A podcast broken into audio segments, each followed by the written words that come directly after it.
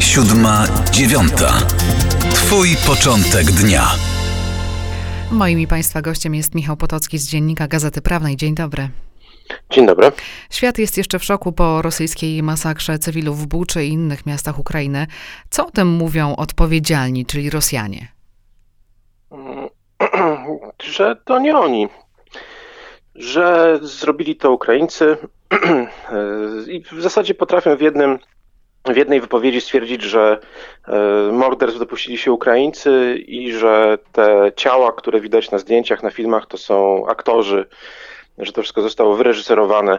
No takie tradycyjne, tradycyjne argumenty, które my z naszej historii kojarzymy chociażby ze sprawy Katynia.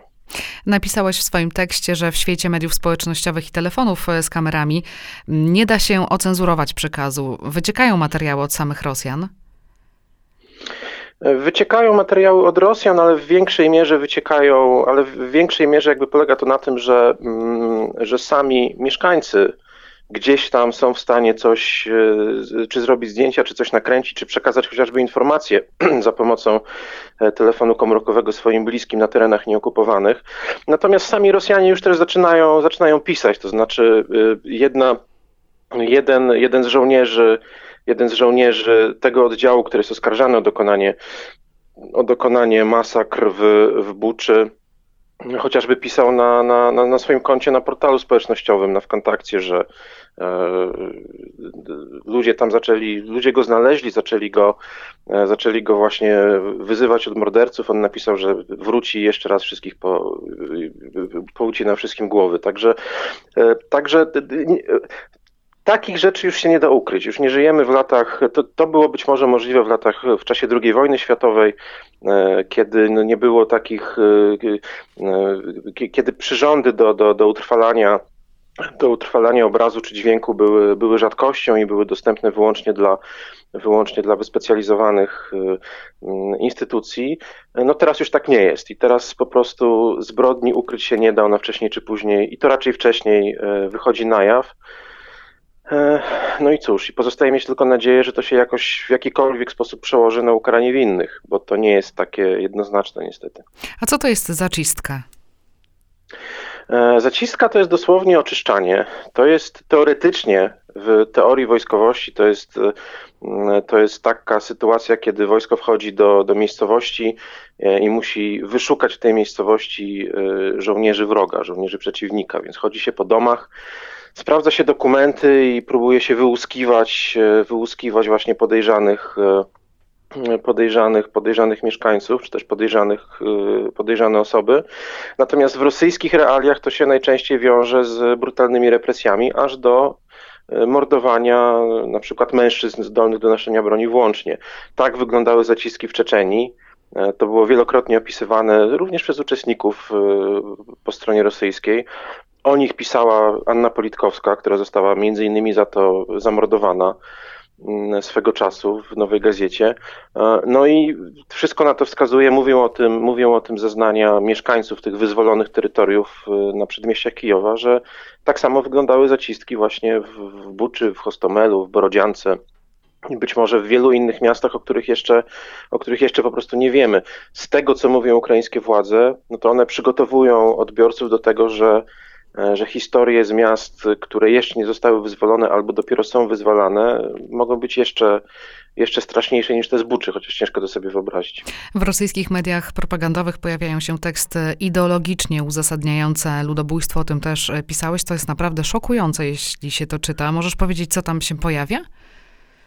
No to jest szokujące, bo rzeczywiście ja się, ja muszę przyznać, zajmuję się tą częścią świata od kilkunastu lat zawodowo, ja się czegoś takiego nie spodziewałem. To znaczy, że to będzie, że tego, te, tego typu teksty będą wprost y, nawoływać czy uzasadniać eksterminację, masową eksterminację, masowe wymordowywanie, y, wymordowywanie ludzi. Ten tekst, o którym, o którym, o którym pani redaktor mówi, on został opublikowany na stronie głównej oficjalnej Państwowej Agencji Informacyjnej RIA Nowości, czyli to jest treść oficjalna, bo nic, co jest niezgodne z linią się na tych, na tych stronach nie pojawia.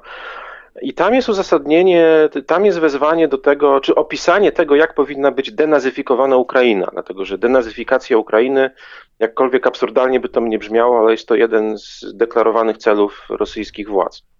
No i miałaby ona polegać mianowicie na tym, że elity, nie tylko wojsko, ale też elity polityczne i ci, którzy aktywnie popierają e, obecne władze, ale też poprzednie władze, czyli Porosze, za czasów prezydenta Poroszenki i teraz prezydenta Zeleńskiego, powinni zostać zlikwidowani. E, ci, którzy ich pasywnie popierali, czyli jak rozumiem 73% ludzi, którzy na Zeleńskiego głosowali w, w 2019 roku i pewnie też zwolennicy Poroszenki powinni zostać poddani reedukacji poprzez pracę przymusową nad odbudową Ukrainy. Sama nazwa Ukraina powinna być wymazana z map świata. To się z kolei pewnie polskiemu słuchaczowi kojarzy z, z naszą własną historią i z historią tego, w jaki sposób y, nazwa, nazwę Polska próbowano w XIX wieku po powstaniu styczniowym wymazać z mapy świata zastępującą nazwą kraj nadwiślański, Priwisliński kraj.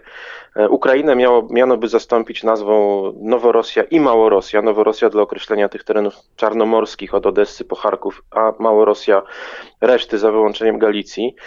E, I okupacja tych terenów miałaby potrwać co najmniej jedno pokolenie. Jedno pokolenie po to, żeby wyrosło wyrośli, wyrosło właśnie nowe pokolenie ludzi już zainfekowanych tą rosyjską propagandą, przekonanych, że ukraińskość jako taka nie istnieje, że ci, których nazywamy Ukraińcami, którzy nazywają się Ukraińcami, to są w rzeczywistości e, zdeformowani mentalnie Rosjanie, których, którym trzeba tylko przypomnieć, że są Rosjanami. No to są treści, szczerze mówiąc, szokujące. To są treści, których, e, które normalnie byłyby w normalnym państwie ścigane po prostu. To są treści, które się kojarzą z propagandą z czasów hitlerowskich i to akurat to prawo Godwina, które mówi o tym, że że jak się kogoś w dyskusji porówna do Hitlera, to się przegrywa, tutaj po prostu przestaje działać, bo to są treści niemalże żywcem wzięte z nazistowskiej propagandy z lat, e, z pierwszej połowy lat 40. Coś, coś makabrycznie szokującego i coś, czego naprawdę nigdy nie spodziewałem się przeczytać, nawet, e, nawet w mocno, w mocno, w mocno szalonych czasami tekstach serwowanych przez rosyjską propagandę. Toczą się cały czas rozmowy pokojowe, chociaż pewnie po tym, co odkryto w Buczy, jest to mm, trudniejsze. Jaki jest stan tych rozmów? Rozmów na dziś? E, no tak, rzeczywiście w zeszłym tygodniu, jeszcze tydzień temu, gdybyśmy rozmawiali, to mówilibyśmy o jakimś światełku w tunelu, bo po spotkaniu w Stambule w ubiegły poniedziałek, o ile dobrze pamiętam, wydawało się, że strony dochodzą do jakiegoś, do jakiegoś konsensusu. Padły dosyć daleko idące ukraińskie propozycje, które Rosjanie, przynajmniej Władimir Miedziński, czyli szef negocjatorów rosyjskich, uznał za interesujące. Miały zostać przekazane Putinowi, Putin miał się do nich odnieść. W każdym razie wydawało się, że jakiś kompromis się wykuwa. Natomiast po tym, co się stało w Buczy, e, no na pewno przynajmniej stronie ukraińskiej trudno będzie, jeszcze trudniej będzie e, pójść na jakiekolwiek ustępstwa wobec Rosji chociaż i wcześniej było to z punktu widzenia tego, jak, y, co myślą sami Ukraińcy, było to bardzo trudne do, prze, do przeforsowania. Teraz to będzie jeszcze trudniejsze. Tym bardziej, że tak jak, tak jak wspomniałem wcześniej, prawdopodobnie to, co odkryjemy w Borodziance, na przedmieściach Czernichowa, na przedmieściach Charkowa, będzie jeszcze straszniejsze niż to, co, niż to, co wiemy po Buczy. E, I w zasadzie na razie te rozmowy zabuksowały, to znaczy one niby się toczą w, w, w trybie online, e, w grupach roboczych, niby one trwają, ale sygnały, które docierają do nas za pośrednictwem mediów rosyjskich i ukraińskich wskazują na to, że no, że, że trudniej będzie się, dużo trudniej będzie się porozumieć, że spotkanie chociażby Zeleńskiego i Putina, o którym w zeszłym tygodniu rozmawiano jako o takiej możliwości do przeprowadzenia w ciągu najbliższych tygodni, no teraz się już zupełnie rzeczywiście oddaliło i chyba jednak chyba jednak żadnego porozumienia nie będzie aż do rozstrzygnięcia tej bitwy, która nadciąga właśnie, to znaczy bitwy o Donbas, która będzie prawdopodobnie decydującą bitwą dla losów tej wojny. Bitwę o Kijów Ukraińcy wygrali, ale bitwa o Donbas będzie, będzie wielokrotnie bardziej krwawa e, i, i, i prawdopodobnie również długotrwała. Napisałeś, że to właśnie tam rozstrzygną się losy tej wojny, na Donbasie oczywiście. Według CNN Putin chce osiągnąć sukces przed 9 maja. Co to mogłoby być sukces? No, poziom rosyjskiej propagandy jest taki, że cokolwiek są w stanie, że mogą wymyślić cokolwiek i przedstawić taki sukces. Natomiast rzeczywiście, żeby ten sukces był w jakikolwiek sposób wiarygodny, e, to Rosjanie będą chcieli opanować właśnie Zagłębie Donieckie, opanować do końca korytarz między Krymem a, a Donbasem, czyli obwodem rostowskim. E, do tego potrzebują, do tego potrzebują mm, zniszczyć albo albo, albo wyprzeć ukraińskie bardzo silne zgrupowanie, które operuje na Zagłębiu Donieckim w okolicach e, takich miast jak Kramatorsk, Siewierodonieck, Słowiańsk, e, wyprzeć je z, z granic obwodów Ługańskiego i Donieckiego, zdławić opór w Mariupolu, co im się, co im się stopniowo, ale jednak, ale jednak udaje.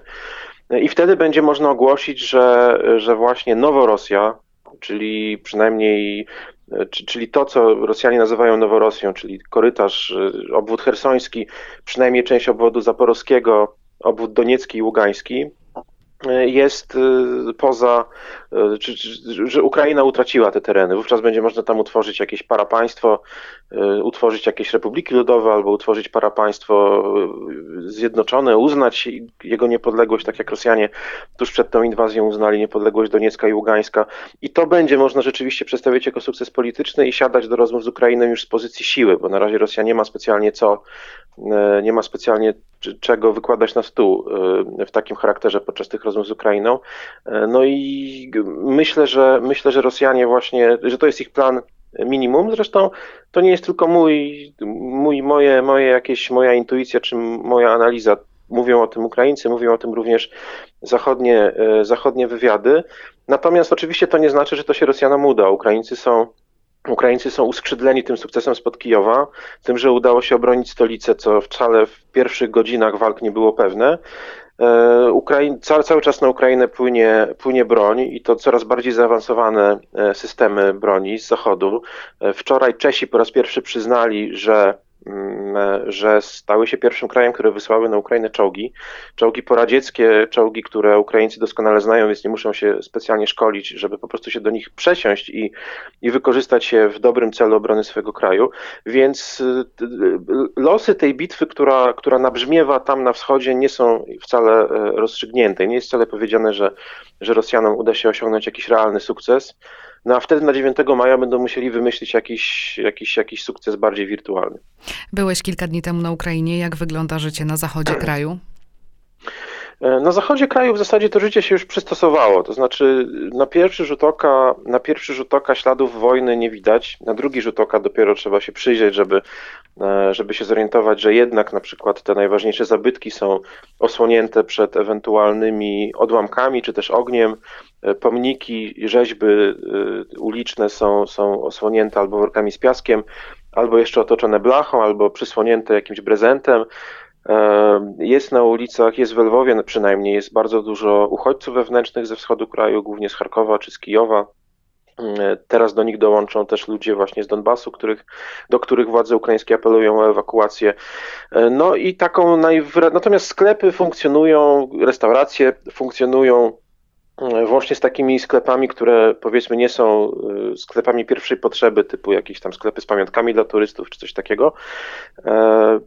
E, takim wyraźnym znakiem, w zasadzie jedynym bardzo wyraźnym znakiem wojny są regularne alarmy powietrzne, e, które zwykle trwają około 40 minut i w tym czasie ludzie powinni się schronić w, w piwnicach, w schronach. E, w zasadzie duża część mieszkańców to ignoruje, bo, bo, bo, bo na razie, oby tak pozostało, Lwów E, przynajmniej cywilne obiekty w Lwowie nie były, e, nie były, e, nie padało ofiarami nalotów.